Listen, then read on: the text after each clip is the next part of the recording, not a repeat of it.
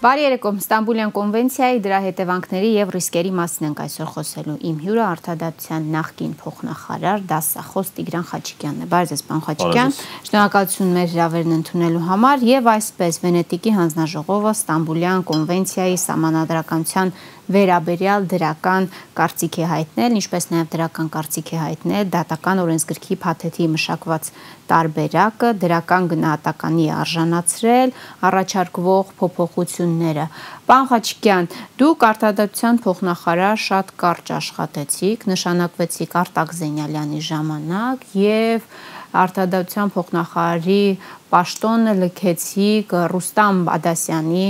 օրոք, երբ նա նշանակվեց նախարար, եթե չեմ սխալվում,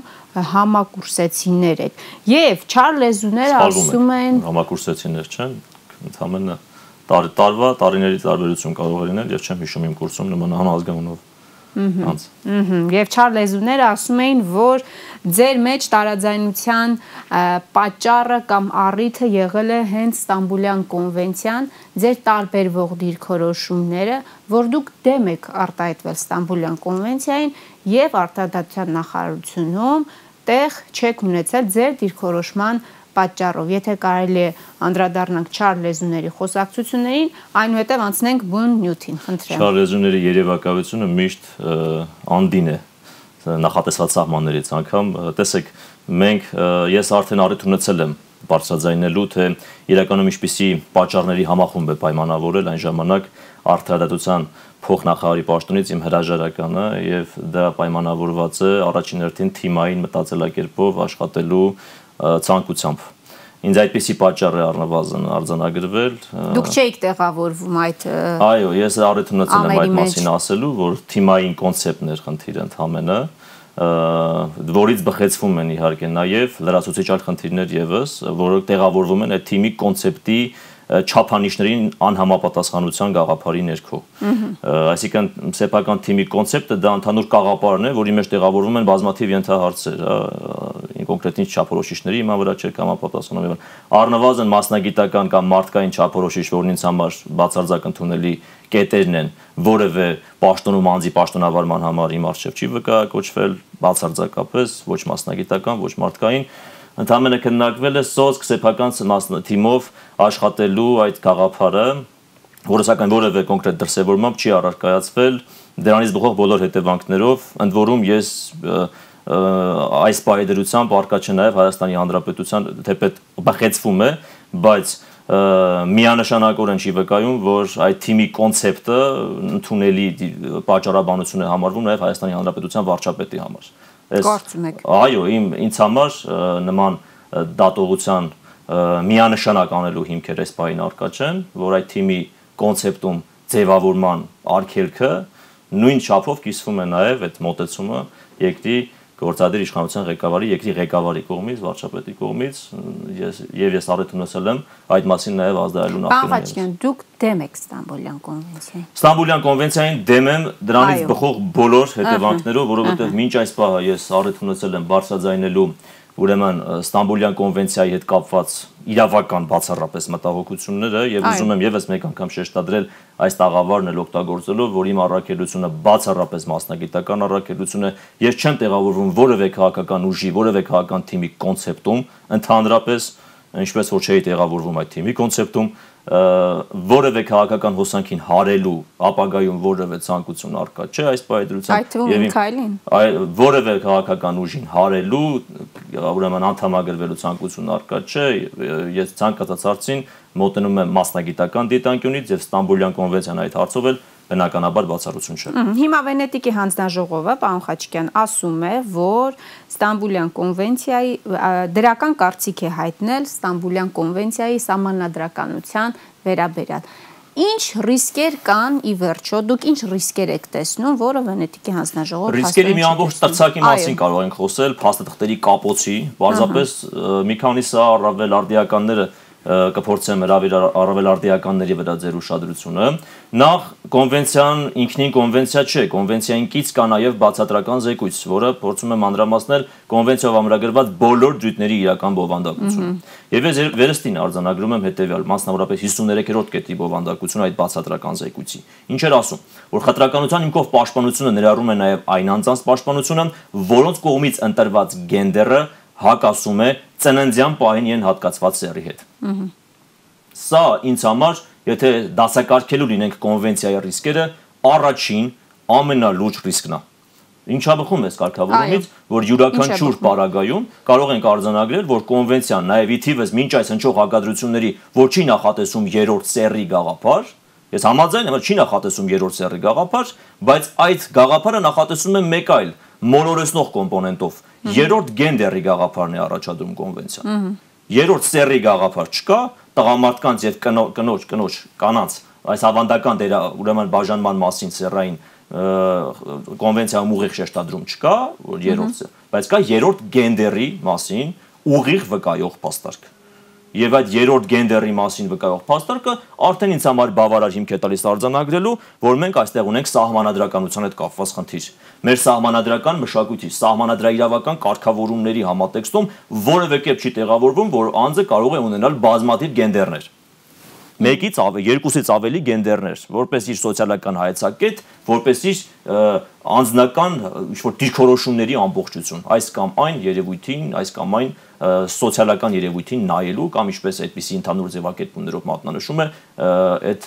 Ստամբուլյան կոնվենցիա։ LGBT անձանց իրավունքները ամրագրվելու են, այսինքն այս կոնվենցիայով, ընրոյնվելու են այս կոնվենցիայով։ Միանշանակ է դա, կոնվենցիայի բացատրական զեկույցից ուղղակիորեն բխում է, որ կանանց, այսինքն խտրականության հիմքով, սեռական խտրականության հիմքով, գենդերային խտրականություն բառն է օգտագործված, այդ հիմքով պաշտպանությունը պիտի տրամադրվի նաև այդ անձանց ներառյալ հոգեբանական, սոցիալական աջակցությունները, իրավաբանական ծառայությունները այդ անձանց եւ այս առումով փաստարկները, որ մենք չենք նախատեսում որևէ արտոնյալ ռեժիմ նշված կատեգորիայի անձանց նկատմամբ կոնվենցիան ինքնին արդեն բնականաբար սա բացատրը չի դիմանում անգամ հասարակ քննադատության, որովհետև կոնվենցիայի այս բացատրական զեկույցի հենց այս կետի վերությունից է ուղղակի, ընդ որում ուզում եմ ձեր ուշադրությունը հավելել նաև այն հանգամանքի վրա, որ Վենետիկի հանձնաժողովը ուղիղ այս կետի բացատրական զեկույցի այս կետի մանրամասն վերլուծություն չի իրականացրել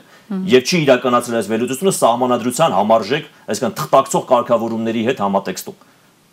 որը որ լուրջ կասկածի տակ է դնում այդ հանձնաժողովի եզրակացության Չեմ ասում անաչառությունը, չեմ ասում օբյեկտիվությունը, որովհետև դրանք մի փոքր պատասխանատու դատողություններ են, բայց որ բազմակողմանիությունը կասկածի տակ է դնում, դա ակնհայտ է։ Այսինքն եթե որևէ հարցին մենք տալիս ենք գնահատական, չէ, առավել եւս հեղինակավոր հանձնաժողովը տալիս է գնահատական, վերջինս պարտավոր է անդրադառնալ բոլոր հնարավոր ռիսկերին, այլ ոչ թե դրանցից վերցնել առավել քիչ այսպես ասեմ, վտանգավորություն ենթադրող ռիսկերը եւ դրանց փորձել գնահատական տալ։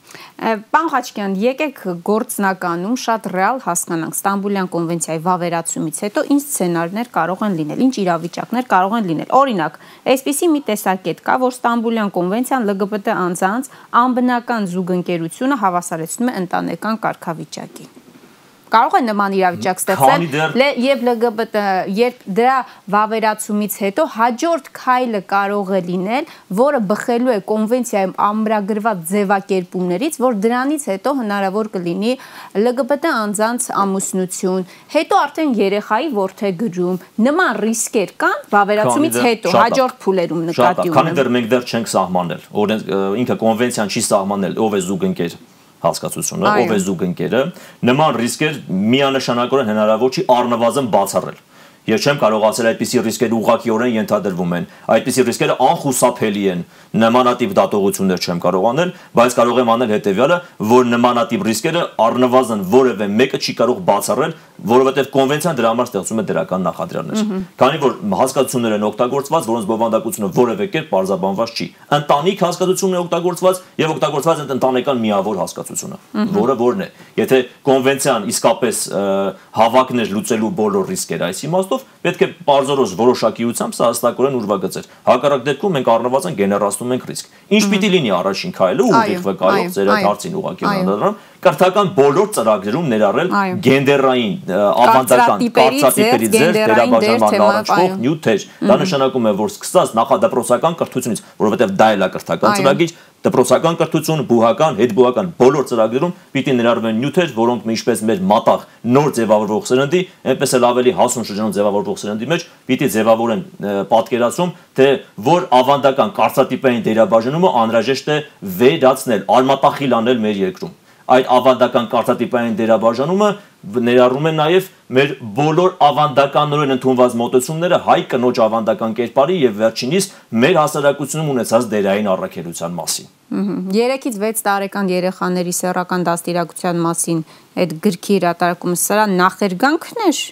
արդյոք այս նյութերի զետեղման ապագայում մի տեսակ շղթան իրար կպնում է անուղակի ենթադրությունն է դա ձեր որը ես որպես իրավաբան չեմ կարող հավաստել որովհետև դա ընդամենը դեպքերից բխող անուղակի ենթադրություն կարող է լինել դրանից բխող բոլետրանք ամեն դեպքում պան Խաչիկյան շատ սյուր է ստացվում կարծրատիպերի ձեր գենդերային դեր թեմայով ուսումնական փաստորեն նյութեր են զետեղվելու մյուս կողմից բուհերում օրինակ հայոց լեզու հայ գրականություն եւ հայոց պատմություն առարկաների դասավանդումն այլևս պարտադիր չի լինելու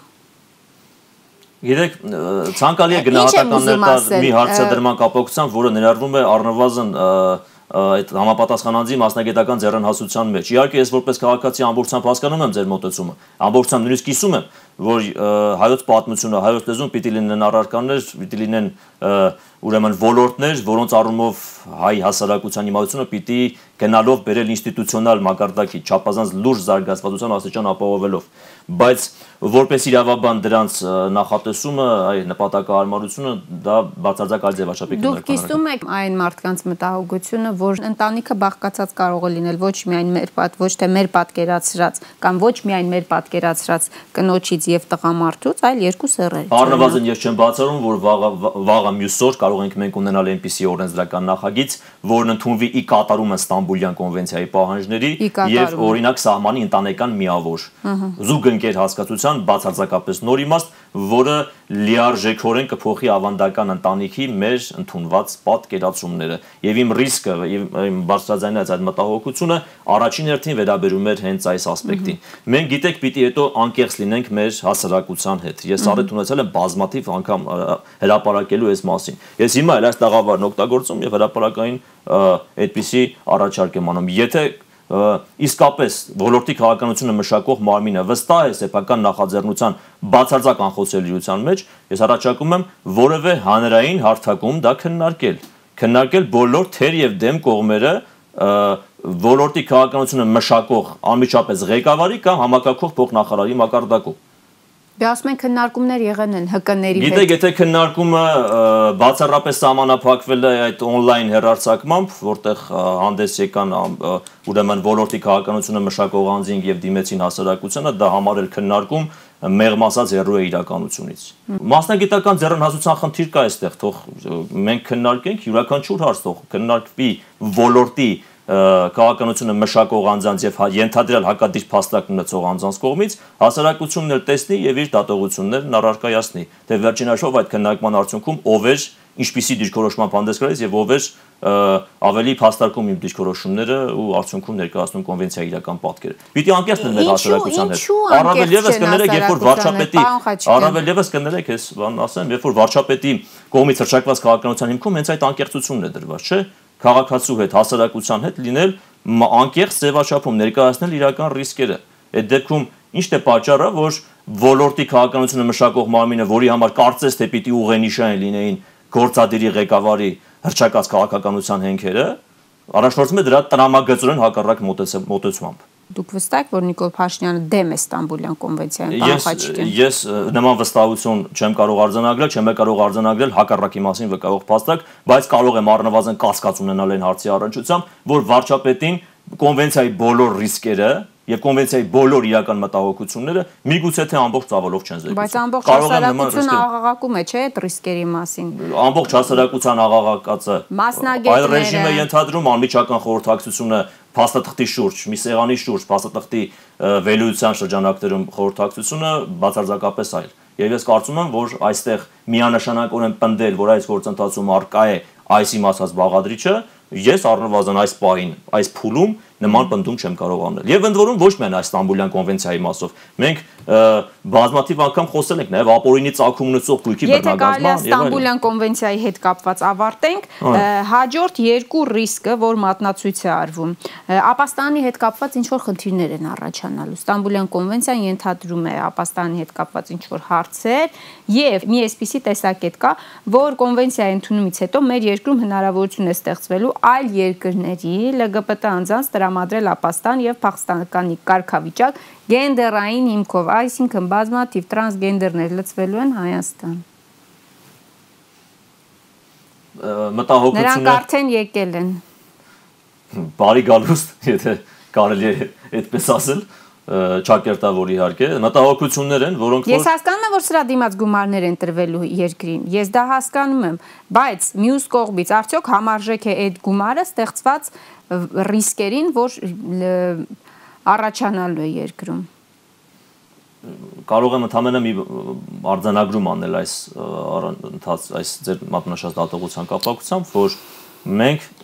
կոնվենցիայի այս առումով ռիսկերի եւ ձեր կողմից մատնանշվող այդ քայլի միջև պետքա տեսնենք խնդիրներ առաջնորդին իրավական դաշտում, որ ինչքանով է կոնվենցիան նպաստում այդ քաղաքական ապաստանի տրամադրմանը այդ տեսակ դեպքերում եւ այս առումով դարձյալ պիտի արձանագրել լրացուցիչ մտավախություն, որ իսկապես կոնվենցիան այս առումով ստեղծում է բավարար նախադրյալներ, որովհետեւ այդ անձին գան եւ հայցեն ապաստան։ Սա այսինքն ասել, որ սա կոնվենցիայի չի բխում, տեսեք, սա արդեն այն օրինակն է, ի տարբերություն ձեր միջև այս հրապարակված օրինակի, որից կարելի է բխեցնել, որ կոնվենցիան նախատեսում է այդ հիմքերը եւ միգուցե թե այստեղ կարող է լինել որոշակի պատճառական կապ որևէ գումար արժի այս կոնվենցիայի վավերացումը։ Ես ձեզ որպես հայ տղամարդ եմ հարցնում, պարոն Խաչիկյան, ընտանիքի հայր եմ հարցնում։ Բացարձակապես։ Բացի մասնագիտական վերլուծությունից, որևէ գումար արժի այն ռիսկերը, այն խնդիրները, որոնց արժև մենք կանգնելու ենք, փաստորեն ամբողջ երկրով։ Բացարձակապես։ Պատերազմող երկրով դուք արդեն ձեր հարցի մեջ կար նաև ուղղակիորեն բխող պատասխանը դրա, եթե մենք յուրաքանչյուրս ավանդական ընտանիքի կողմնակից ենք, եթե մենք յուրաքանչյուրս, մեզնից յուրաքանչյուրը մտածում է, որ պիտի մեր կրթությունը իրականացվի առանց այդպիսի բաղադրիչի անպայման անպայմանական ներառման կրթական ծրագրերում, որ պիտի հայ հասարակությունը շարժվի դարերով ընդունված արժեքներով եւ հայ կինը այդ հասարակությունում ունենա ավանդաբար ընդունված կերպարը, իսկ դա բարձր հեղինակություն վայելող կերպարն է եւ նաեւ որոշակի դիրք ու հեղինակություն ունեցող կերպարի մասն եմ խոսում, ապա այդ կերպարի ուրեմն հիմքերը խարխլող ցանկացած նախաձեռնության համար, այդ թվում եւ գերազանցապես այս հիմքով Ստամբուլյան կոնվենցիայի անգամ ամենաբարձր դրամական միջոցները ներգրավել բնականաբար անհիմն է եւ անհեռանկար է։ Եվ ես նաեւ ճիշտ եմ հասկանում, որ այս կոնվենցիան մեծ հաշվով գուցե այս սերունդի վրա չազդի, գուցե գործնական փուլ չմտնի,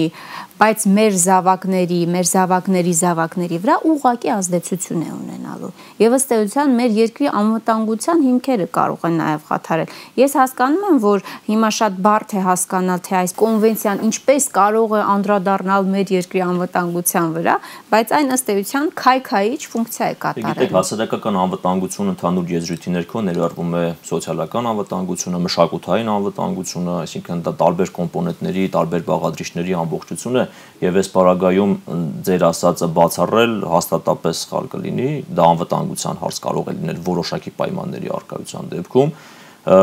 առավելևս ես չգիտեմ ինչքանով է հավաստի ձերից կողմից բարձրացված հարցը դրամական միջոցներ կոնվենցիան վավերացնելու համար չեմ կարող դրանք ոչ հաստատել, ոչ երկել, դե, այդ դեպքում շահագրգռվածությունը որ բացառապես փողի դեպքում է հնարավոր այդ շահագրգռվածությունը այսուհանդերձ երևույթը որպես այդպեսին ինձ համար դատապարտելի է ոչ միայն ես կենտրոնում եմ այդ գումարի նախատեսման վրա որպես այդպեսին, այլ որպես այդպեսին ընդհանրապես նրա վրա, որ մենք մեր օրակարգ ենք ներմուծել կոնվենցիա, որը ռիսկային է։ Մի պահ մի կողմ դնենք, հա, դրամական միջոցների հետ կապված հանգամանքը։ Սոց խնդրին վերաբերվենք մասնագիտական իմաստով մենք կոնվենցիա ենք պատրաստվում ուրեմն ներմուծել մեր իրավական համակարգ, որը կարող է առաջացնել բազմաթիվ հակասություններ, օրենսդրական հակասություններ մեր սահմանադրական կարգավորումների հետ եւ առաջացնել նաեւ հակասություններ ոչ այս բանը մեր ընդունված պատկերացումների հետ։ Ահա եւ 600 սա համարել օրինաչափ, սա համարել պատշաճ բնականաբար 600.000 եվրո միայն ծախսվել է ապրիլից այս կողմ Ստամբուլյան կոնվենցիայի քարոշչության համար։ Պարոն Խաչիկյան, դուք պատկերացնում եք, թե բուն գումարը այս կոնվենցիայի վավերացման դիմաց որքան է լինելու։ Ձեր հրատորական բացականչություններով կարելի է սահմանափակել երևի այդ դրա այդ գումարային խնդիրներից բխող հետևանքների քննարկումը որպես ամփոփում թեմայի այդ դեպքում հիմա Վենետիկի հանձնաժողովը դրական կարծիք է տվել համանդրականության հետ կապված Սա նշանակում է արդյոք, որ համանadrական դատարանը անպայման պետք է դրական կարծիք տա համանadrականության Համանadrական դատարանը, որպես երկրի համանadrական արդարադատության բարձրագույն մարմին, բացարձակապես կաշկանդված չէ որևէ միջազգային կազմակերպության, այդ թվում այդ Վենետիկի հանձնաժողովի տրամադրած եզրակացությամբ եւ ցանկացած պարագայում կարող է կայացնել այդ կոնվենցիան երկրի սահմանադրությանը չհամապատասխանելու փաստն արձանագրող համապատասխան որոշում։ Ավելին, նախարարության այս դիրքորոշումը բացարձակ անիմաստ է, ուրեմն որևէ կերպ չի տեղավորվում ընթացիկ կառուցակարգերի մեջ, անպայման ունենալ Վենետիկի հանձնաժողովի որոշում, նոր դիմեր սահմանադրական դատարան։ Որևէ այդպիսի կաշկանդող օղակ չկա այդ մասին, ավելին նախարարության ոլորտի քաղաքականությունը մշակող մարմնի սկզբնական նախատրամադրվածությունից པարզ էր արդեն թե ինչպիսի կարծիք է առնվազն ակնկալվում Վենետիկի հանձնաժողովի կողմից, այսինքն որևէ մեկի մոտ չկար տպավորություն իմ ընկալմամբ առնվազն, որ այդ ուրեմն նախագիծն ուղարկվում է իսկապես ուրեմն հնարավորության այն տրամադրվածության, որ արկա է հնարավորություն, որ Վենետիկի հանձնաժողովը կայացներ հակառակ որոշումը։ Ակնհայտ է, որ ակնկալվող էր Վենետիկի հանձնաժողովի կողմից, այդ թվում նաև ու գերազանցապես որոտի քաղաքականությունը մշակող մարմնի համար, որ իսկապես տրվելու է դրական եզրակացություն։ Եվ այդ հիմքով կաշկանդեր սահմանադրական դատարանին որևէ իրավական կառուցակարգի մեջ չի մտնում, սահմանադրական դատարանն անկախ է, ինքնուրույն է սեփական առաքելություն իրականացնելու հարցում եւ որևէ այդպիսի այդ թվում նաեւ այս հեղինակավոր կազմակերպության դիրքորոշումները չեն կարող լինել կաշկանդող օղակ։ Առավել եւս Երբ որ այդ հեղինակավոր կազմակերպության կողմից տրված կարծիքում ընդհանրապես դրվագային մի քանի հարցերին է անդրադարձ կատարվում եւ որևէ կերպ անդրադարձ չի կատարվում մինչեւ այս պահը հրապարակված բազմաթիվ ռիսկային հարցերին, որոնցից մեկը ներկայացրի, երկրորդը կրթական բոլոր մակարդակներին առնչվում, երրորդը զուգընկեր զուգընկեր բառի սահմանումն է, չորրորդը վերաբերում է նրան, որ ցանկացած ձևաչափում պետությունները պետք է մշակեն քաղաքականություն այնպիսի ռիսկեր, որ որևէ կերպ այս անձանց իրավական կարգավիճակը ընդ որում արտոնյալ կարգավիճակ կարգավիճակը որևէ կերպ չխաթարվի։ Պատկերացնում եք, այստեղ չի գնում, այստեղ չի գնում հարցը այն ուղությամբ, որ մենք կներեք, հարցը չի գնում այն ուղությամբ, որ մենք հավասար կարգավիճակ ենք սահմանում այս անձանց եւ ոչ այդպիսի կողմնորոշում ունեցող անձանց։ Խոսքը գնում է այն այն դեպքի մասին, երբ որ մենք այս անձանց մի բան էլ արտոնյալ կարգավիճակ ենք տալիս։ Ասում ենք դուք սոցիալական, հոգեբանական, իրավաբանական ծառայություններ, օժանդակող ծառայություններ, այս բոլոր ծառայություններից պետությունը պետք է միջոցներ ձեռնարկի, որ քեզ հատկացնի բռնության ենթարկվելու մասով ծառայություններ Այսինքն խնդիրը ուզում եմ այս համատեքստում դիտարկենք։ Մենք այս պարագայում իրավական կարգավիճակը ոչ թե բերել հավասարացրել ենք, այլ արտոնյալ կարգավիճակ ենք դարձրել այս անձանց համար, որովհետև իրենք տեղավորվում են Ստամբուլյան կոնվենցիայի Այո, Ստամբուլյան կոնվենցիայով պաշտպանության զոհի կարգավիճակում են։ Դե բայց առանց այս կոնվենցիայի էլ իրանց իրավունքները շատ ավելի պաշտպանված են։ Գիտեք, այլ բան է փաստական իրականությունում պաշտպանված լինելը, այլ բան է կոնվենցիոնալ մակարդակի հիման վրա, ընդ որում օրենքից վեր իրավական ուժ ունեցող փաստաթղթով դրա պաշտպանության իրավական կառուցակարգերի նախատեսումը։ Ստամբուլյան կոնվենցիան անպայմանորեն վավերացնելու համատեքստում են դիտարկում նաև ճնշումները համանadrական դատարանի վրա, համանadrական դատարանի նախագահին փոխելու, անդամներին փոխելու համատեքստ տեքստում։ Վենետիկի հանձնաժողովը դրական գնահատական է տվել նաև դատական օրենսգրքի փաթեթ փաթեթի մշակված տարբերակին առաջարկվող փոփոխություններին։ Այս մասով ինչ կարող եք ասել։ Դուք հավանում եք այս փաթեթը մշակված առաջարկվող փոփոխությունները ինչպես է գնահատում այդ փաթեթի առնչությամբ միջև այս բանը բազմաթիվ հրապարակումներով հանդես են եկել որ եթե հիմա մի փոքր էսպես ամբողջացնելու լինեմ։ Ձեզ հատկապես ինչը չի գոհացում։ Հիմա ասեմ ձեզ, անկեղծ ասած ինձ համար անհասկանալի է թե ինչպիսի ինչ որ սկզբունքային կարգավորումներ կան այդ նախագծով մեր դատական օրենսգրքի առասարակ դատականությամբ կարգավորվող հարաբերությունների համատեքստում, որ այդ նախագիծը բավարար համարձակություն է եղել շագերտավոր հանձնելու Վենետիկի հանձնաժողովի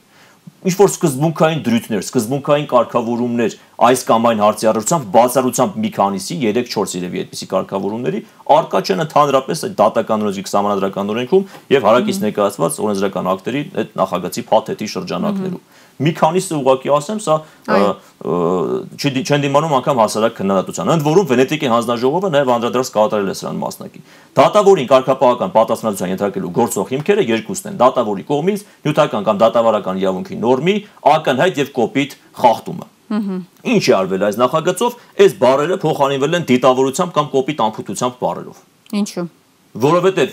այս դիտավորության կամ կոպիտ անփութություն հասկացությունները առավել համարժեք են արտահայտում դատավորի կողմից այդ սխալ դատական սխալի գնահատման հանգամանքը։ Ընդ որում Վենետիկի հանձնաժողովը կոնկրետ ուրեմն այդ դիրքորոշման շրջանակներում, որը հրապարակվել է արդենից, բացական կարծիքը տվել, որ դիտավորությունը կոպիտ անփութություն բարերը այնպես չի, որ ապահովում են որոշակիության համարժեք շրջանակ։ Սա մեկ։ Երկրորդ հերթին դատավորի կողմից կարգապահական խախտումը որպես այդպեսին որակվելու համար անհրաժեշտ է ուշադրություն դարձնել վերացական հասկացությունների վրա, որ այն հեղինակազրկի դատական իշխանությունը կամ խախտի մարդու իրավունքները։ Յուրաքանչյուր դեպքում պիտի իրավակ իրառը բացարձակ հայացողական չափանիշների վրա որոշի, թե այդ ինչ հիմքով պիտի ուրեմն այդ դատավորի կողմից իրականացվող խախտումը համապատասխանի այդ չափանիշին։ Հաջորդը, բարձրագույն դատական խորհրդի որպես դատարան հանդես գալու դեպքում վերացվել է 2/3-ով իրավազոր լինելու նիստը իրավազոր լինելու հանգամանքը, որ ԲԴԽ-ի նիստը իրավազոր է 2/3-ի դեպքում։ Հիմա սրանով մենք ինչ ենք անում։ Դատավորին կարգապահական պատասխանատվության ենթարկելը դարձնում ենք 1 րոպեվա գործ, թե իրականում բարթացնում ենք։ Ակնհայտ է, ինչ այս որ այս հրապարակված նախագծի առնչությամբ եմ ասում, որ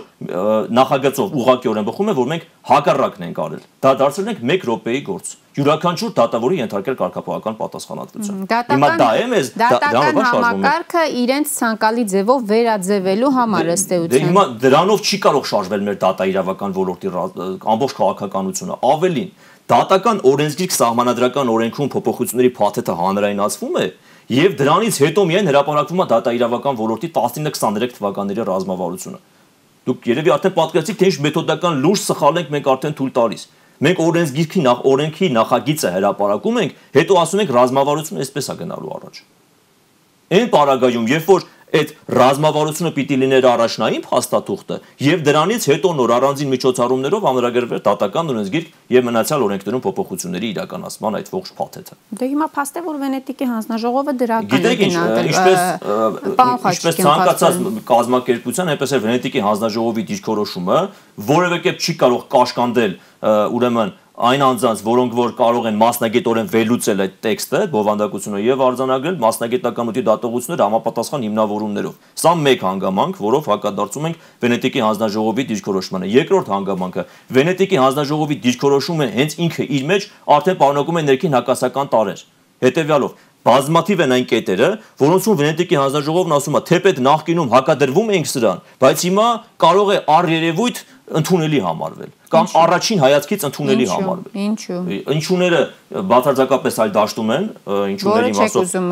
որը ես չեմ ուզում ներառվել այդ ինչուի մշակման մեթոդաբանության մեջ եւ չափանիշների մեջ իմ ոլորտը չեն դրանք հաստատապես եւ ոչ էլ այդպիսի տեղեկատվական տիրույթ։ Լավ, չմտնենք քաղաքականություն, չմտնենք քաղաքականություն, դատավորների դատավորների տարիքի շեմի հետ կապված փաստորեն Վենտիկի հանձնաժողովն ասում է, որ դա իշխանության որոշելիքի տիրույթում է, այո, 25 տարեկան իջեցվում է մինչև 25 տարեկան, եթե չեմ սխալվում։ Մենք խոսում ենք Հայաստանի Հանրապետության Սա ձեզ համար ընդունել է 25 տարեկան դատավոր, պարոն Խաչիկյան։ Շատ լավ, հիմա ես գալիս եմ սկզբից։ Հայաստանի Հանրապետության կառավարության 19 թվականի փետրվարին ընդունված ծրագրով հստակ նախատեսվել է արհեստավարժ դատական համակարգի ձևավորումը արհեստավարժ դատական համակարգի ձևավորման փաստնիկնի ենթադրում է, որ դատավորներին ներկայացվող պահանջները պետք է ոչ թե իջեցվեն գնալով, այլ գնալով բարձրացվեն։ Չէ՞, սա աքսիոմատիկ ճշմարտություն է, կարծում եմ բոլորս կընդունենք սա այդ հանգամանք։ Ինչ է ստացվել այս նախագծով,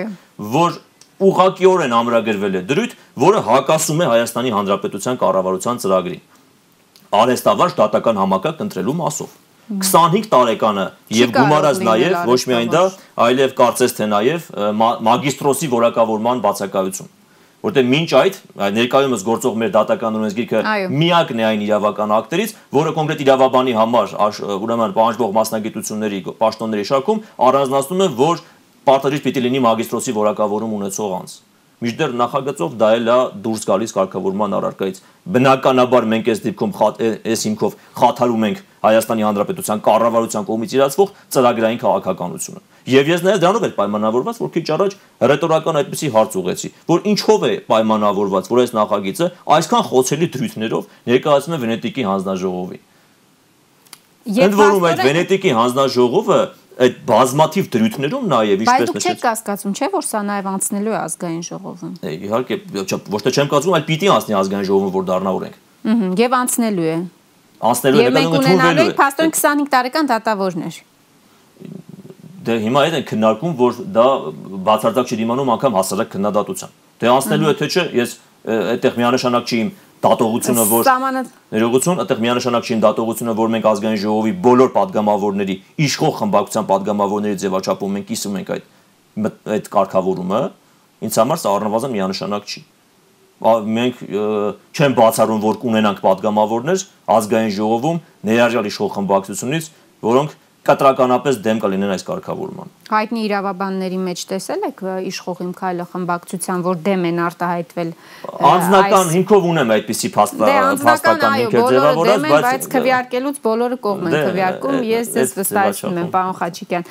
Եվ համանդրական դատանի դատավորների վաղ կենսաթոշակի անցնելու հարցի հետ էլ կապված, փաստորեն Վենետիկի հանձնաժողով ասում է, այո, կարելի է, բայց կամավորության սկզբունքով դա ուղակի չափանիշ է, որը որևէ կերպ չի կարող առարկայացվել։ Ոնց է գնահատվելու այդ կամավորությունը։ Օրինակ ենթադրենք, պատկերացնենք մի իրավիճակ, երբ որ որևէ մեկի աշխատասենյակում որոշակի գործոններ են վկայակոչվում եւ այդ անձին այդպիսի գործոնների ազդեցությամբ հարկադրում են անցնել օգտվել այս ռեժիմից տեղ չի բացահայտվում, չէ՞, այս խոսակցության ողջ ընթացքը։ Հիմա սա համարելու են կամավոր, ճնշումները որևէ տեղ չեն եղել։ Իսկ ակնհայտ է, որ ցանկացած հանձնաժողովային եզրակացություն պիտի տրամադրվի այնպես, որ օբյեկտիվ ուղենիշները հստակ լինեն ոչ թե լինեն դրանք վերացական դատողությունների մի ամբողջ համակցություն։ Կամավոր ինքնին չափանիշի գնահատումը խոցելի է դրանից բխող բոլոր հետևանքներով։ Խոցելի է նաև այն հարցադրումը, որ Վենետիկի այն դատողությունը, որ Վենետիկի հանձնաժողովն արել է, որ իբրև թե չպիտի դա ուղեկցվի բոլոր կամ մեծ մեծ մասը կազմող դատավորների այդ կառուցակարգից օգտվելու հանգամանքով։ Որն է այդ մեծ մասը։ 7-ը միաժամանակ դրա մասին է խոսքը։ 9-ից 7-ը միաժամանակ։ Ենթադրենք 7-ն էլ համաձայնում են, ենթադրենք։ Հիմա որ իրավական գործը չափորոշչի վրա պիտի արձանագրվի, որ դա հակասահմանադրական գործելավոճ է։ Ահա Եվ արդյոք բայց արդյոք ուշադրություն դարձեք, խաթարվում է երկրի ամբողջ սահմանադրական արդարադատությունը։ Այո։ Այսինքն մենք ինչպիսի հիմքեր ենք ստեղծում մեր ամբողջ դատական համակարգի համար, որ կարող է այդպիսի իրադրային ցանկացած արարքով մենք խաթարենք այդ դեպքում իսկապես խաթարենք երկրի սահմանադրական կարգը։ Հիմա ասենք, եթե որևէ մարմին չի գործում, նշանակում է սահմանադրական արդարության հիմքերը խարխլված են, չէ՞ երկրում։ Ահա։ Հիմա այս իրավիճակում ցանկացած պարագայում կարող է 7 դատավոր օգտվել այս կառուցակարգից, ամեն մեկը իր մասով այդ իրավունքի իրացման մասին ազդարարել։ Բայց Վենետիկի հանձնաժողովն առաջարկում է նախագծով մեղմել այն հնարավոր դեպքերը, փաստորեն երբ 9-ից 7-ը այս բարերը ինչպես են Ես դա դիտարկում եմ ոչ ավելի քան վերացական ու ոչինչ չտվող ինչ որ բարերի կույտ, որոնք որ իրավագիտությանը որևէ կերպ չեն կարող դնել բնորոշ։ Եթե եզրակացություն եք տրամադրում, այդ եզրակացությունը պիտի լինի բավարար չափով որոշակի եւ համապատասխանի նույն իրավական որոշակիության սկզբունքին, ոչ առաջացնի տարընկալումներ։ Հակառակ դեպքում մեծ է հնարավորությունը, մեծ է ռիսկը, որ մենք ունենալու ենք այդ վերացական դատողությունների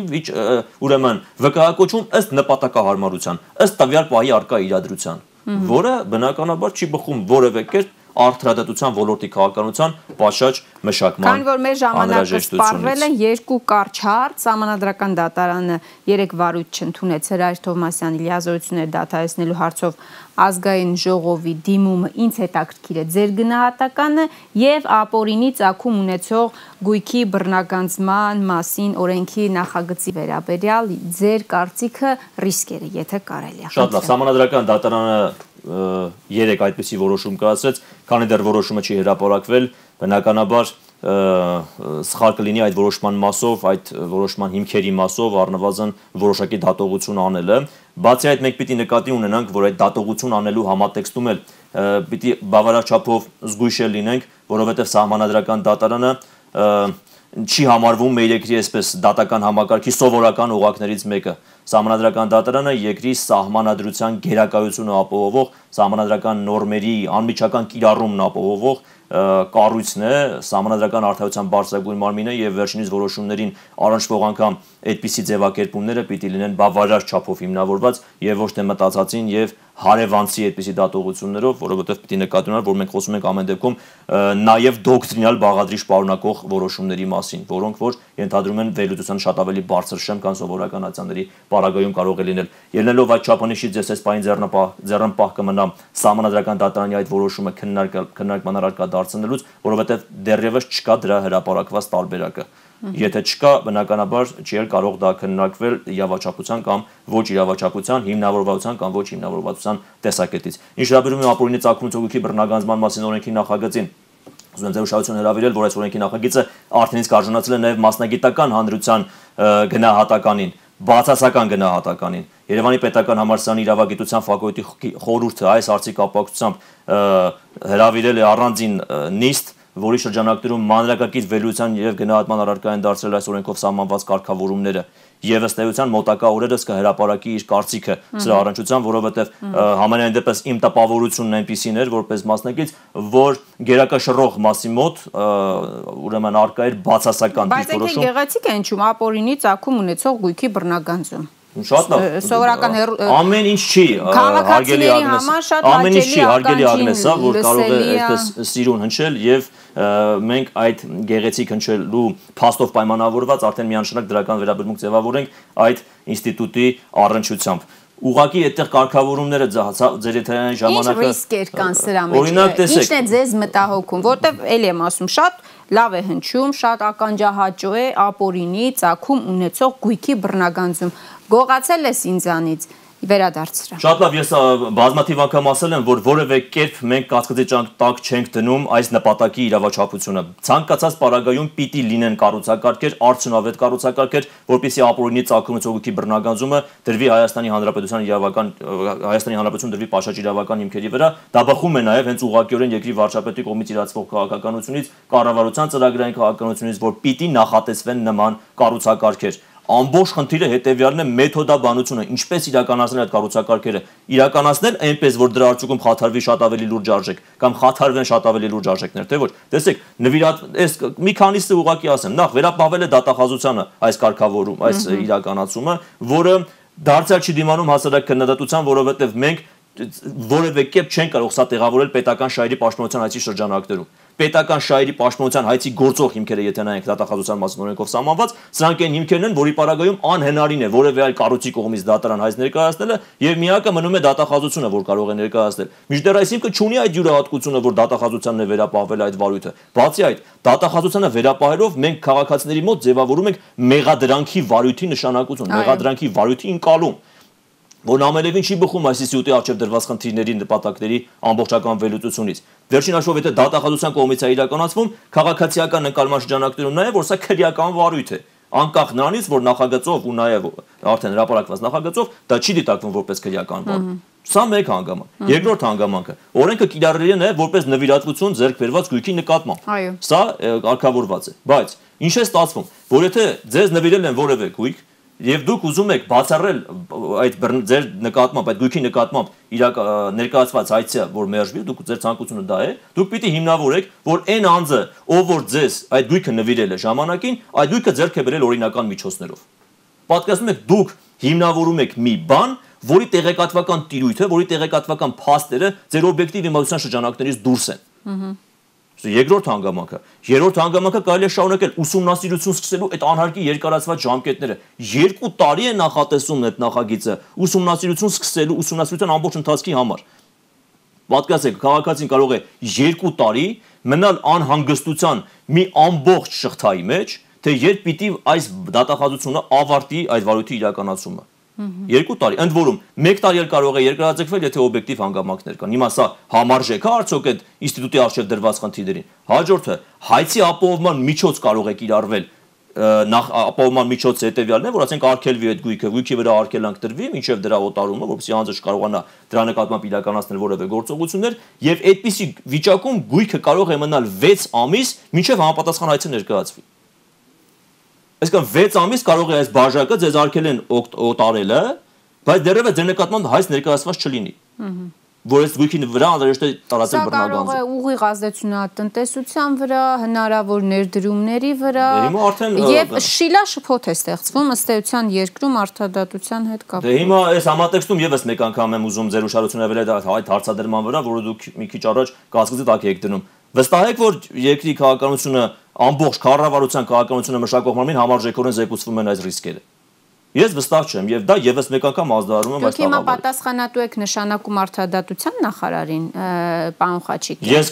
ես անձանցով չեմ պայմանավորում պատասխանատվությունը, ես այս պատասխանատվությունը պայմանավորում եմ կոնկրետ երկրի ղեկավարը կարող է լսել բոլոր կողմերին եւ հետեւություններ անել ըստ էության։ Իհարկե։ Ահա եւ հուսանք այս հարցազրույցն կնպաստի դրան։ Շնորհակալ եմ զրույցի համար, պարոն Խաչիկյան։ Մենք չհասցրեցինք խոսել կոռուպցիայի կանխարգելման հանձնաժողովից, քրեական եթամշակույթ գրող անձանց մասին օրենքի նախագծից։ Կարծում եմ դեռ կհանդիպենք։ Շնորհակալ եմ։ Շնորհակալ եմ։ Այսօր իմ հյուր արտադատության նախկին փոխնախարար Տիգրան Խաչիկյանն էր։ Ամուր եղեք, հանդիպենք։